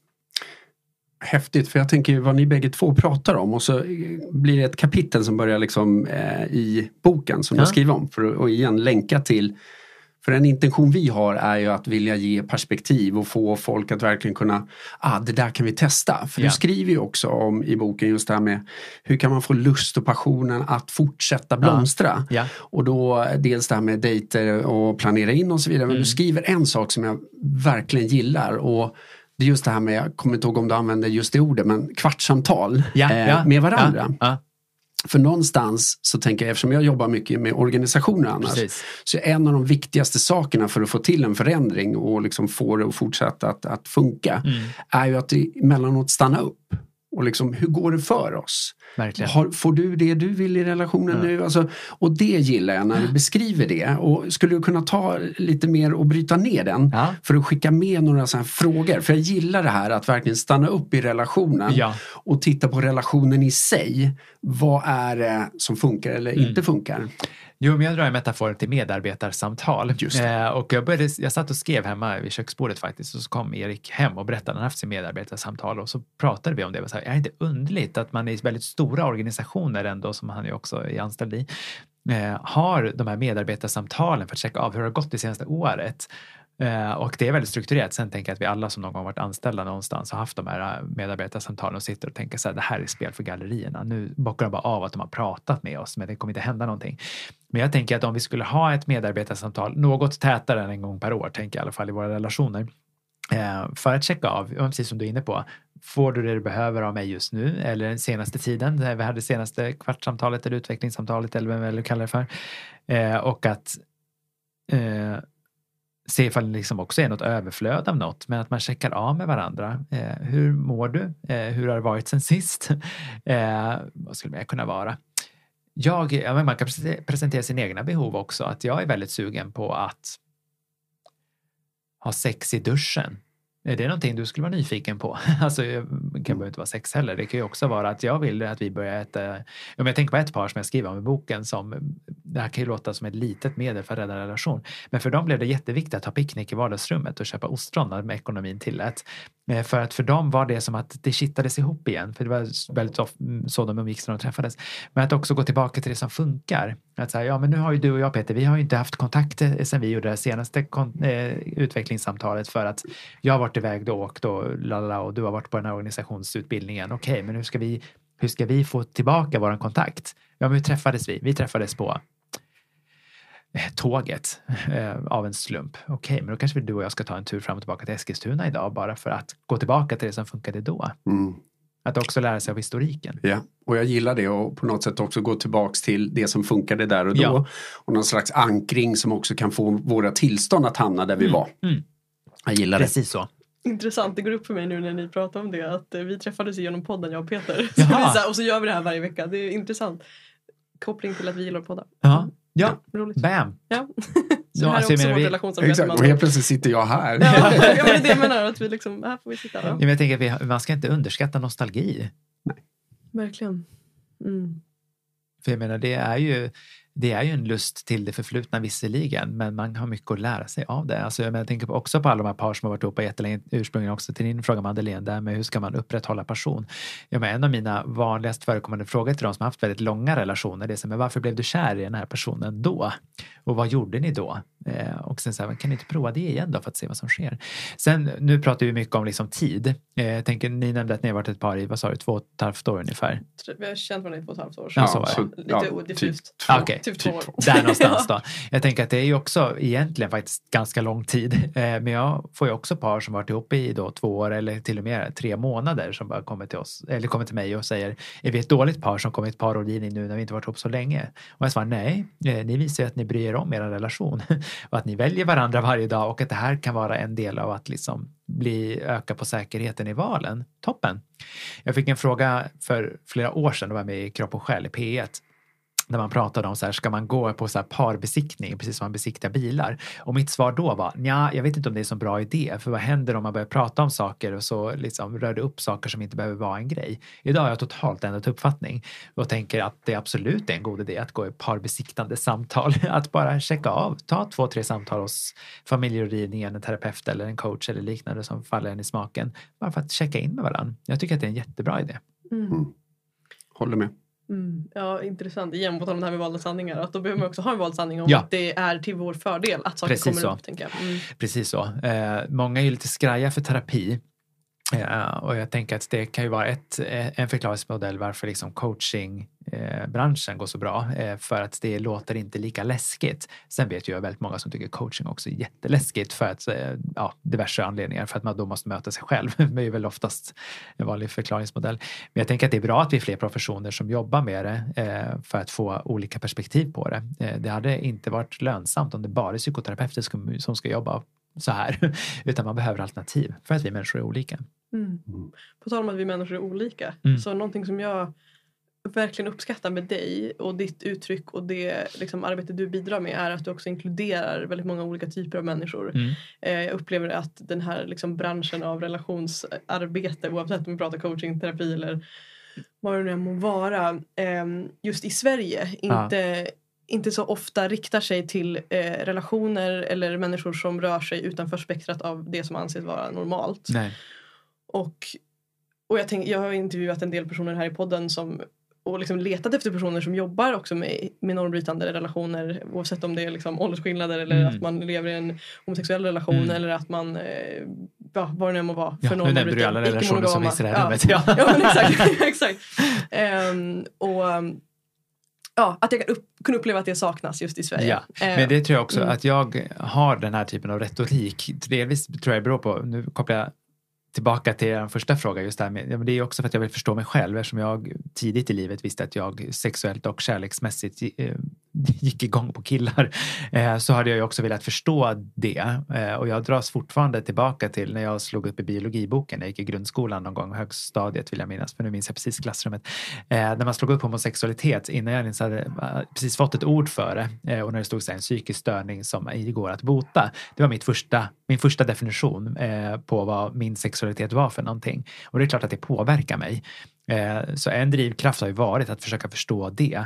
Men det inkluderar ju inte bara att förstå mig utan också andra som inte går hand i hand med hur normen ser ut. Oavsett om det har med ålder att göra, kön, funktion, relationsform. Att det är viktigt. Sen får jag ibland kritik för att de tycker att jag urvattnar den eh, heterosexuella tvåsamheten.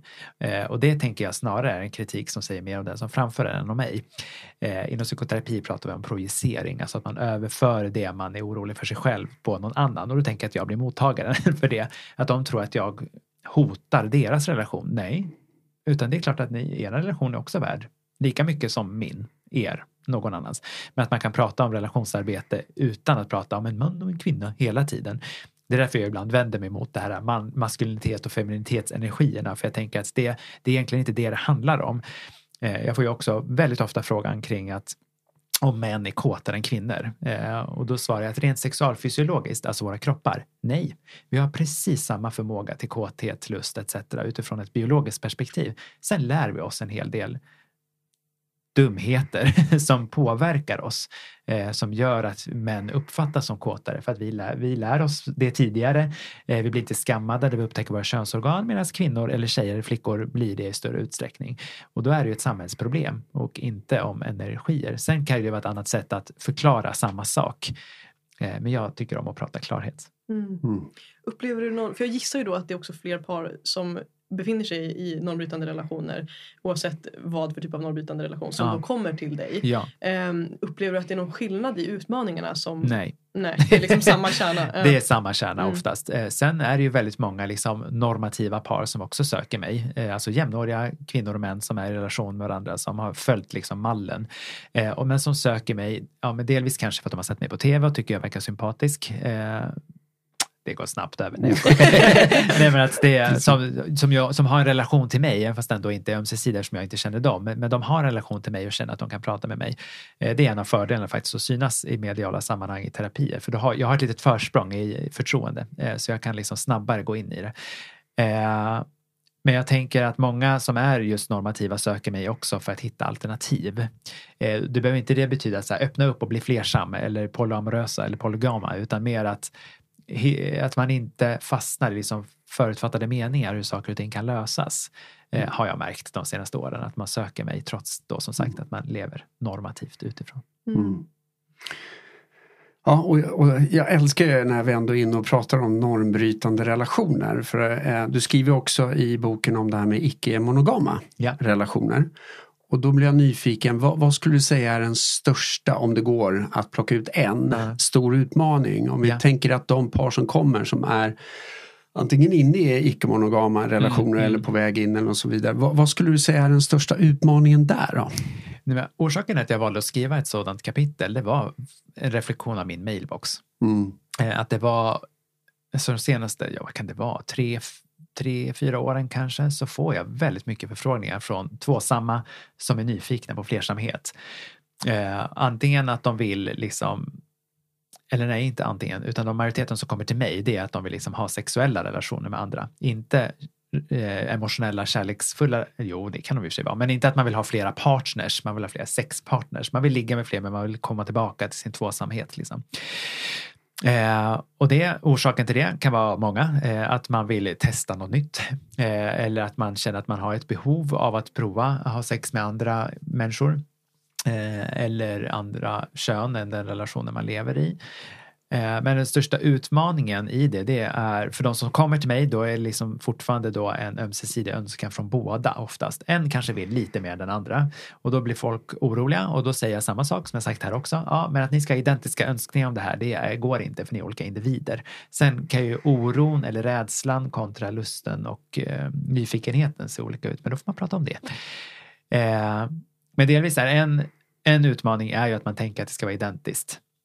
Eh, och den som kanske vill lite mer är oftast, nu pratar jag utifrån min kliniska erfarenhet så jag har ingen referens mer än då min erfarenhet, eh, att den som vill lite mer är oftast ganska, eller ganska, är orolig för att såra sin partner. Den som vill lite mindre är rädd att bli lämnad eh, eller vad kommer hända om det här liksom sker? Kommer du inte vilja ligga med mig längre? Även fast man kanske ändå är sugen på att göra det själv. Och så frågar jag, okej, men är, är du orolig att du ska bli förälskad i någon annan och lämna? Nej, okej, kan vi prata då om din oro till din partner till exempel? Och då finns det en föreställning om att den som vill oftast är killen, eh, är då heterosexuellt par och den som vill mindre är tjejen. Min erfarenhet är tvärtom. Eh, och det tror jag beror lite på, på din fråga Madeleine, ifall det just är flera icke-normisar som hör av sig till mig. Eh, och det kan det vara. Sen kanske någon annan terapeut om vi bjuder in det i liknande sammanhang säger något annat. Men min erfarenhet är oftast att det är kvinnan i heterosexuella relationer som vill mer Mm, jämfört med killen. Mm. Men nu betonar jag det här som jag gillar att betona forskningsstudier och vad som är, det här är min kliniska erfarenhet. Studier kan säga något annat, men min erfarenhet är att det är kvinnan som oftast vill prova Ja. mer än mannen. Mm. Mm. Intressant. Jätteintressant observation. Mm. Ja. Det var nog inte, då var nog mina fördomar var nog att det skulle vara tvärtom. Ja, men min med. Ja. Innan jag började jobba Och- med det mer Exakt, och samtidigt är det ju spännande vilka är det som du sa också som Ja. hör av sig till just dig. Och Ja. hade det varit samma sak om det var Precis. en, precis, en, För det är det här som är så viktigt då, att sätta saker i sitt sammanhang. Eh, och det är det som jag också tjötar om när jag undervisar om forskningsstudier, vilka man ska välja att titta på mer och inte. Det är ju att sätta ett sammanhang. Eh, och det här är ju ett sammanhang av min verksamhet i, på Södermalm i Stockholm. Eh, jag är den jag är eh, och pratar om de frågorna jag gör och det påverkar självklart vilka Ja. som kommer till mig. Nej, och det utan att behöva gå in för mycket i det. Men jag tänker på egentligen all forskning är ju på något sätt också styrd av den som gör forskningen. Ja. Vilket också blir spännande Och det finns sig. ju jättemycket forskning som är beställda av organisationer eh, som det finns pengar i. Alltså, jag menar, vi lever i ett kapitalistiskt samhälle eh, och då ifall forskningsresultatet inte visar det som intresseorganisationen som kanske har beställt det, nej men då kommer ju inte den forskningen ut. Så det är ju också, Yes. det är också en del av det hela som jag också pratar jätteofta om när jag pratar om källkritik, när jag är ute och undervisar Exakt. barnmorskestudenter till exempel. Alltså när ni läser forskning måste ni också kolla hur den har gjorts och vem har beställt det, ifall det är någon som har beställt det. Eh, och, Och, det, och någonstans så älskar jag eftersom att det du säger hela tiden är ju också att du utgår från dig och din erfarenhet. Och Ja. det är det jag också, och jag vågar säga vi i det här fallet, att istället för att då säga forskning visar på så kan vi säga att vår erfarenhet av det här. Ja. Eh, Och det blir, Och det är ju- det, så- blir en anekdot som också är värdefull. Exakt. Eh, det som jag ibland vänder mig mot det är när anekdoter står över liksom högkvalitativ forskning. Mm. Eh, det kommer alltid, jag brukar, här får ni en klyscha till, jag brukar alltid prata när jag pratar om studier, att studier säger någonting på en gruppnivå. Sen kommer det alltid finnas individer som gör det motsatta. Hej, mänsklighet, tänker jag. Exakt. Eh, Men då behöver vi som jobbar med människor ha den här flexibiliteten. Att säga, ja, jag vet till exempel enligt forskning att eh, eh, man kan, forskning fastställer på väldigt många olika plan att man kan inte bli beroende av sex till exempel. Eh, Det är inte samma sak som att skjuta heroin eller dricka sprit varje dag. Det är inte samma sak. Sen kan jag få klienter som beskriver sig själva som sexmissbrukare. Då säger inte jag så här, då tar jag inte fram min databas av artiklar och bara nej, det kan du inte. Utan då utforskar jag, vad menar du? Berätta mer. ja. Eh, vad har du hört det här ordet? Hur påverkar det här din upplevelse av dig själv, din självbild, dina relationer? Och sen kan man ju efter ett tag berätta, för jag säger inte bara så här, ja du är sexmissbrukare, utan då pratar jag mer om tvångsmässighet, för det finns ju studier som visar. Eh, men att det är viktigt med ord. Mm. Och på tal om ord, nu är jag kissnödig. Ja, Så nu behöver jag gå och kissa. Vi kör en paus. Någonting annat som jag tänker på eh, som kan drabba, om man nu kan kalla det drabba, Mm. både icke-monogama relationer och monogama Absolut. relationer, oavsett eh, relationstyp, liksom, är ju just svartsjuka. Mm. Och det är också någonting som du skriver med Mm. boken som en mörk sjuka. Ja. Eh, och jag är nyfiken på hur du, eller liksom vilka erfarenheter du har av just att hjälpa par med svartsjuka. Mm. Vad, du, vad du ser är liksom kärnan i det och Mm. hur vi kan komma åt det i relationer. Och också om det eventuellt finns någonting som kan vara positivt med svartsjuka. Eh, oj, bra frågor. Eh, nej, men jag tänker att svartsjuka är en sjukdom vi inte kan vaccinera oss mot oavsett eh, liksom, relationsform eller vem vi har det till. Och man behöver inte bara bli svartsjuk i liksom en kärleksrelation utan man kan bli svartsjuk på kompisar och syskon och alltihopa.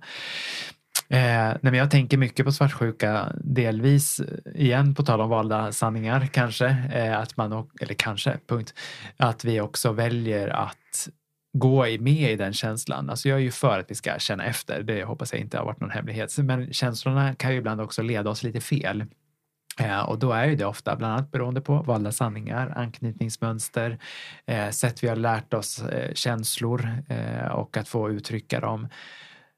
Jag skriver ju i boken att den som, har, den som lider av svartsjuka eller oftast är det den som är objektet för svartsjuka som kanske lider mest. Nej, det kanske inte jag ska säga, men som lider också, så ska jag säga. Eh, eh, men upptäcker man att man är svartsjuk så är det ju många gånger räd, rädsla. Eh, som är en positiv aspekt av det, det är väl att okay, men känner man svartsjuka så kan ju det vara en indikation på att relationen betyder mycket för en. Eh, kopplat också till tredje part av vem man kanske är svartsjuk på. Eh, men det är ju inte konstruktivt. Eh, Men det positiva är ju att bli medveten om det eh, och kunna förstå sin svartsjuka och sen kunna vara mer konstruktiv i det. Eh, För då kan det ju vara ett tecken på att man har ett behov av något annat än vad man har Mm. i relationen. Och den är ju fin, ja, precis. Att svartsjukan någonstans pekar oss, Mm. it's a pointer, liksom, Mm. till någonting, till ett behov, en längtan, Ja. någonting som ligger där under. Ja. Ja. Men som jag Mm. också betonar i boken, att det är den som har svartsjuka som liksom har ett problem eller en utmaning. Att det är oftast inte att det är den personen som svartsjukan riktar mot som är problemet, utan det är den som är svartsjuk som kan behöva hjälp för att förstå det. För det är också väldigt energikrävande att vara svartsjuk eh, och det är energi som man kan lägga på andra mer positiva saker. Mm. Mm. Och där tänker jag att det verkligen kan, kan behövas hjälp. Att det är lätt Ja. att tänka då, som du var inne på den projiceringen, att projicera på sin partner att det är du som gör mig svartsjuk Precis. kontra vad är det egentligen det väcker i mig. Liksom. Ja. Och där, det kan ju vara en utmaning att veta vad är kärnan egentligen. Liksom. Mm. Och då kan man behöva komma till Kalle. Ja, inte just mig för jag har inte tid nu. Men jag tänker att, jag tänker att, eh, ja vad tänker jag? Nu försvann den tanken. Och medan du tänker då Ja. så kan jag hoppa in då och Bra. se till om eh, när det kommer. Eh, för att för mig blir det också när jag hör er prata om svartsjuka också att att någonting jag, jag försöker jobba mycket med det är att förstå den positiva intentionen bakom Mm. saker. Mm. Och det kan ju vara också att jag har ett skitbeteende eller är svartsjuk eller vad det än må vara. Att också försöka förstå vad bottnar det i? Vad Ja, finns det precis. för positiv intention som det försöker tillvarata? Mm. Jag menar en som dricker för mycket i en relation, alltså ja det är lätt att titta på det beteendet. Men Ja. vad finns det för positiv Mm. intention där bakom? Absolut. Och jag tänker likadant med svartsjuka, att också kunna våga på något sätt gå djupare in i det och Mm. förstå den positiva intentionen. Och shit, det är en rädsla jag behöver ta hand om. Eh, och var kommer den ifrån och vad Mm. kan jag göra? Precis. Eh, nu tänkte jag kanske du hann Nej, men få var, tid att nej, men tänka. det, var, det, det är absolut, jag håller med. Eh, sen kan ju liksom det som man tolkar vara positivt egentligen inte vara positivt i långa loppet. Jag Ja. brukar också säga att det som är bra för dig på kort sikt kan ibland vara väldigt dåligt för dig på en lång Mm. sikt. Det är det som också är en av grunderna på affektteori, eh, att, eller affektfokuserad psykoterapi. Att så det, man gör ju saker för att undvika obehag på kort sikt och då kan det vara att så här, men du, nej, du får inte gå och träffa den här kompisen för du ska vara hemma hos mig. Då får jag lättnad i min ångest eller min svartsjuka just nu. Men det kommer komma tillbaka. Varje Mm. gång du bokar en dejt med dina kompisar, Madeleine, så kommer jag bli svartsjuk och då kommer jag säga nej till dig. Eh, Och i långa loppet så kan det bli en kontrollerande som inte är hälsosam, vare sig för någon av er eller relationen. Eh, och jag menar det är ofta så också, nu drar jag kanske en lång parallell här, men det är också det som många gånger är ursprung, eller ursprungskärnan till eh, partnervåld. Att det börjar med svartsjuka som sen blir kontrollerande, som sen blir isolering, som sen blir våld. Nu är isolering i och för sig form av våld, men att det också är viktigt att, precis som du är inne på, Peter, att säga vad, okay, men vad, vad ger det här mig för information? Vad är positiviteten i det? Ja, men man är rädd. Mm. Det är min erfarenhet i alla fall från min mottagning, att de som är svartsjuka oftast är rädda. Mm. Och det betyder inte att den som har en partner som är svartsjuk ska säga okej, du är rädd, då stannar jag hemma för att visa dig att jag eh, är här. Nej, du ska fortsätta ditt liv och upprätthålla dina relationer också. Den som är svartsjuk och är rädd, det är det som den som ska ta ansvar för sin rädsla. Jag inser här nu också att jäklar vad tiden går fort. Jag Ja. tror vi har suttit i liksom hundra minuter, bara pang Minst. det försvinner. Eh, och för att börja gå eh, mot lite avrundning så Mm. är, jag vågar säga inte bara jag utan vi är nyfikna på att höra om du tänker på ändå ditt jobb och alla dina erfarenheter du har. Vad skulle du vilja säga är de tre viktigaste insikterna för att få en relation att blomstra och liksom Mm. fortsätta utvecklas? Vad är dina tre viktigaste insikter? Vi har varit inne lite på det. Jag tänker på det här med, ja, men nu, nu manipulerar jag frågan. Så manipulation är ett. Nej, jag. Och det är helt rätt. Eller jag tolkar frågan, så ska jag säga. Men sak nummer ett är ju det här med närhet och intimitet. Eh, att våga vara nära, inte bara fysiskt, även fast jag jobbar med sex, så handlar inte närhet bara om sex. Det är också en väldigt major feluppfattning i det här, missuppfattning. Eh, så jag tänker närhet och intimitet, toppen. Eh, och det handlar om då emotionell, sexuell, fysisk, psykisk närhet på olika vis. Sen tänker jag på distans, eh, att våga också ge sig ut i världen utan sin partner eller partners, att våga förverkliga sig själv till viss del. Eh, men att våga upprätthålla sina egna intressen och sina andra relationer. För det visar också väldigt mycket forskning på att om man också har andra positiva relationer runt omkring sig så bådar det gott för sin eh, kärleksrelation. Eh, och nummer tre är väl att våga prata om jobbiga saker. Även fast det är jobbigt. Så prata. Eh, och man behöver inte prata och tala talande ordet alla gånger utan ibland kan bara liksom en liten klapp också vara en kommunikation som är jätteviktig. Att våga utforska kommunikation mer än bara det talade ordet. Mm. Vackert. Fint, där har vi svaret, lösningen. Bra, bam, nu blir jag arbetslös. yes, just do it. Ja, verkligen. Ja, men det är fint att höra. Jag tänker för de som vill lära sig mer om allt mm. det här som vi har pratat om idag. Mm. Eh, så tänker jag att du säkert har läst en hel del böcker ja. genom dina år. Jo, det har blivit några. ja, eller hur. Och då tänker jag, har du några, liksom, jag säg tre, tre böcker som mm. har förändrat ditt förhållningssätt till just relationer och sexualitet som du tänker skulle kunna vara? Men spontant tänker jag på en ganska nyutgiven bok som heter Tack förlåt och skyll dig själv. Ja, just det. Den har talas om. Vem skriver den? Nej, jo men den, den kan man ju ja, läsa förstås. Absolut. Den finns också som ljudbok och den finns också på många bibliotek vet jag. Så man behöver inte nödvändigtvis köpa den. Eh, jo, men jag tänker på min vän och kollega Malin Drevstams bok som heter Lust och olust kopplat till anknytning och sexualitet. Det är också en väldigt bra grundbok kopplat till vad sexualitet är. Hon har ju delat upp boken lite så som jag tycker var väldigt fint och snyggt och tydligt. Eh, sen är jag ett jättestort fan av Esther Perel som är en amerikansk eh, eller egentligen är hon från Belgien tror jag ursprungligen. Hon har en underbar engelsk brytning kan jag meddela. Om ni lyssnar på hennes TED-talk så yes. är det underbart. Eh, hon har skrivit jättemånga bra böcker och vad heter den som på engelska tror jag den heter Mating in Captivity. Ja, mm. eh, jag, kommer, jag tror den heter Lust på svenska. Mm. Punkt. Eh, jag har läst den på engelska. Så jag har också bara läst den på mm. engelska.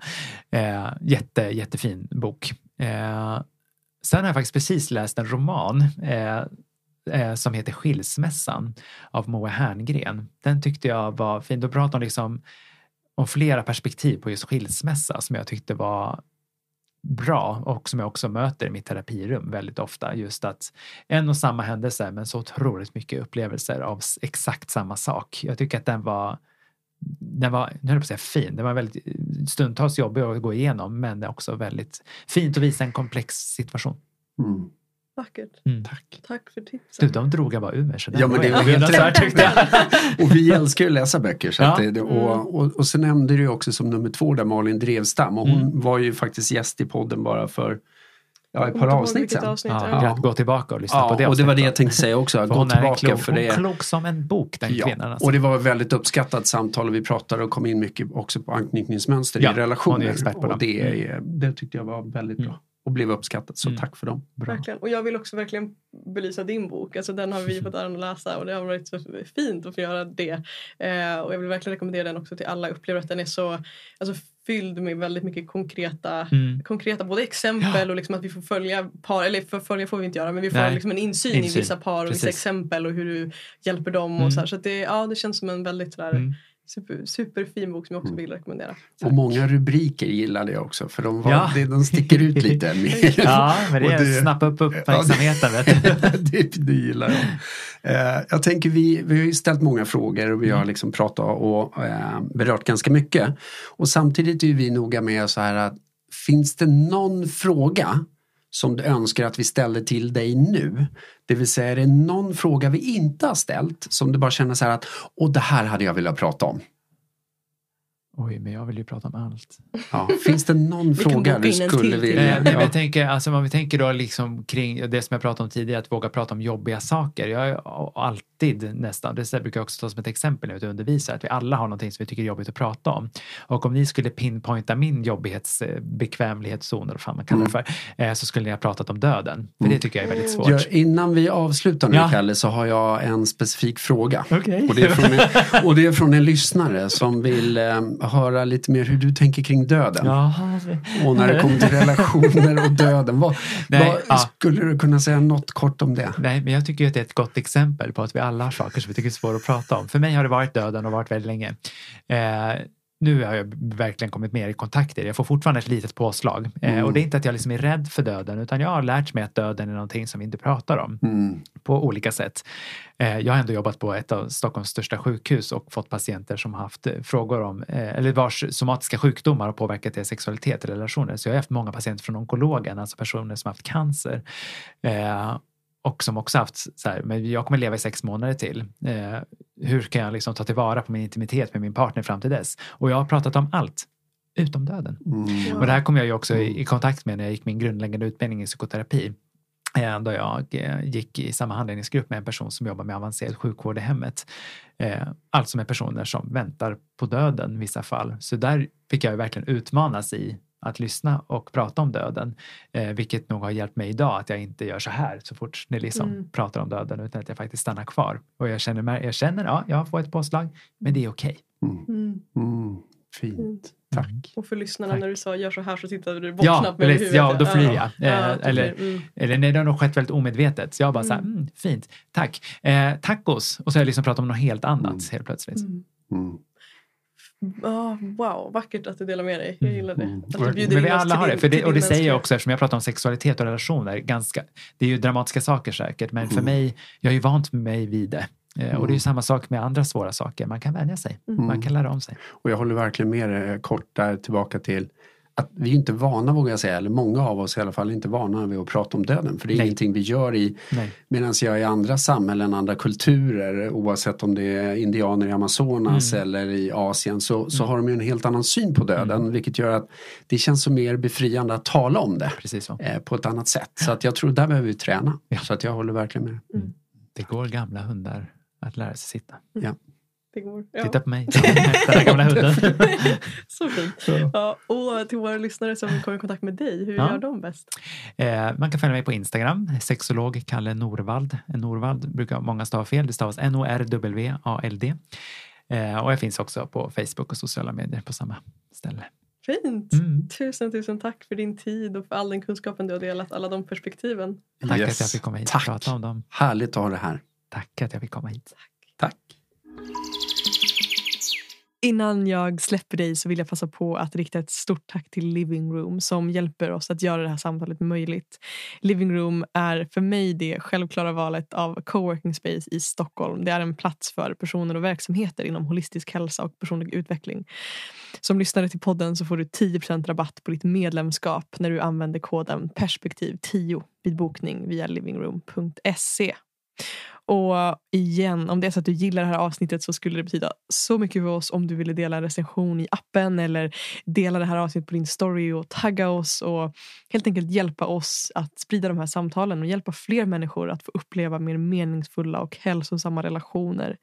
Och vill du komma i kontakt med mig så hittar du mig enklast på Instagram under namnet Mofjärd utan ä. Och jag ser som vanligt fram emot att få höra dina reflektioner, tankar och perspektiv efter att du har lyssnat på det här samtalet. Tack till dig som har varit med oss idag. Vi är så nyfikna på hur det här landar i dig.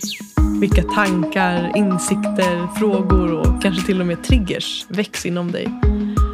Det betyder enormt mycket för oss att få ta del av dina processer och vi ser fram emot att höra från just dig. Skulle du vara intresserad av att gå ännu djupare och fortsätta det här samtalet så har vi också skapat en Facebookgrupp för att samlas och connecta och du hittar den genom länken som finns i beskrivningen till det här samtalet. Ett annat sätt att hjälpa oss att sprida samtalet vidare och att hjälpa oss att vara en del i att skapa en mer nyfiken och öppen värld är att posta det här på din story och helt enkelt visa att det här är perspektiv och samtal som behöver lyftas. än en gång tack till dig som är här med oss.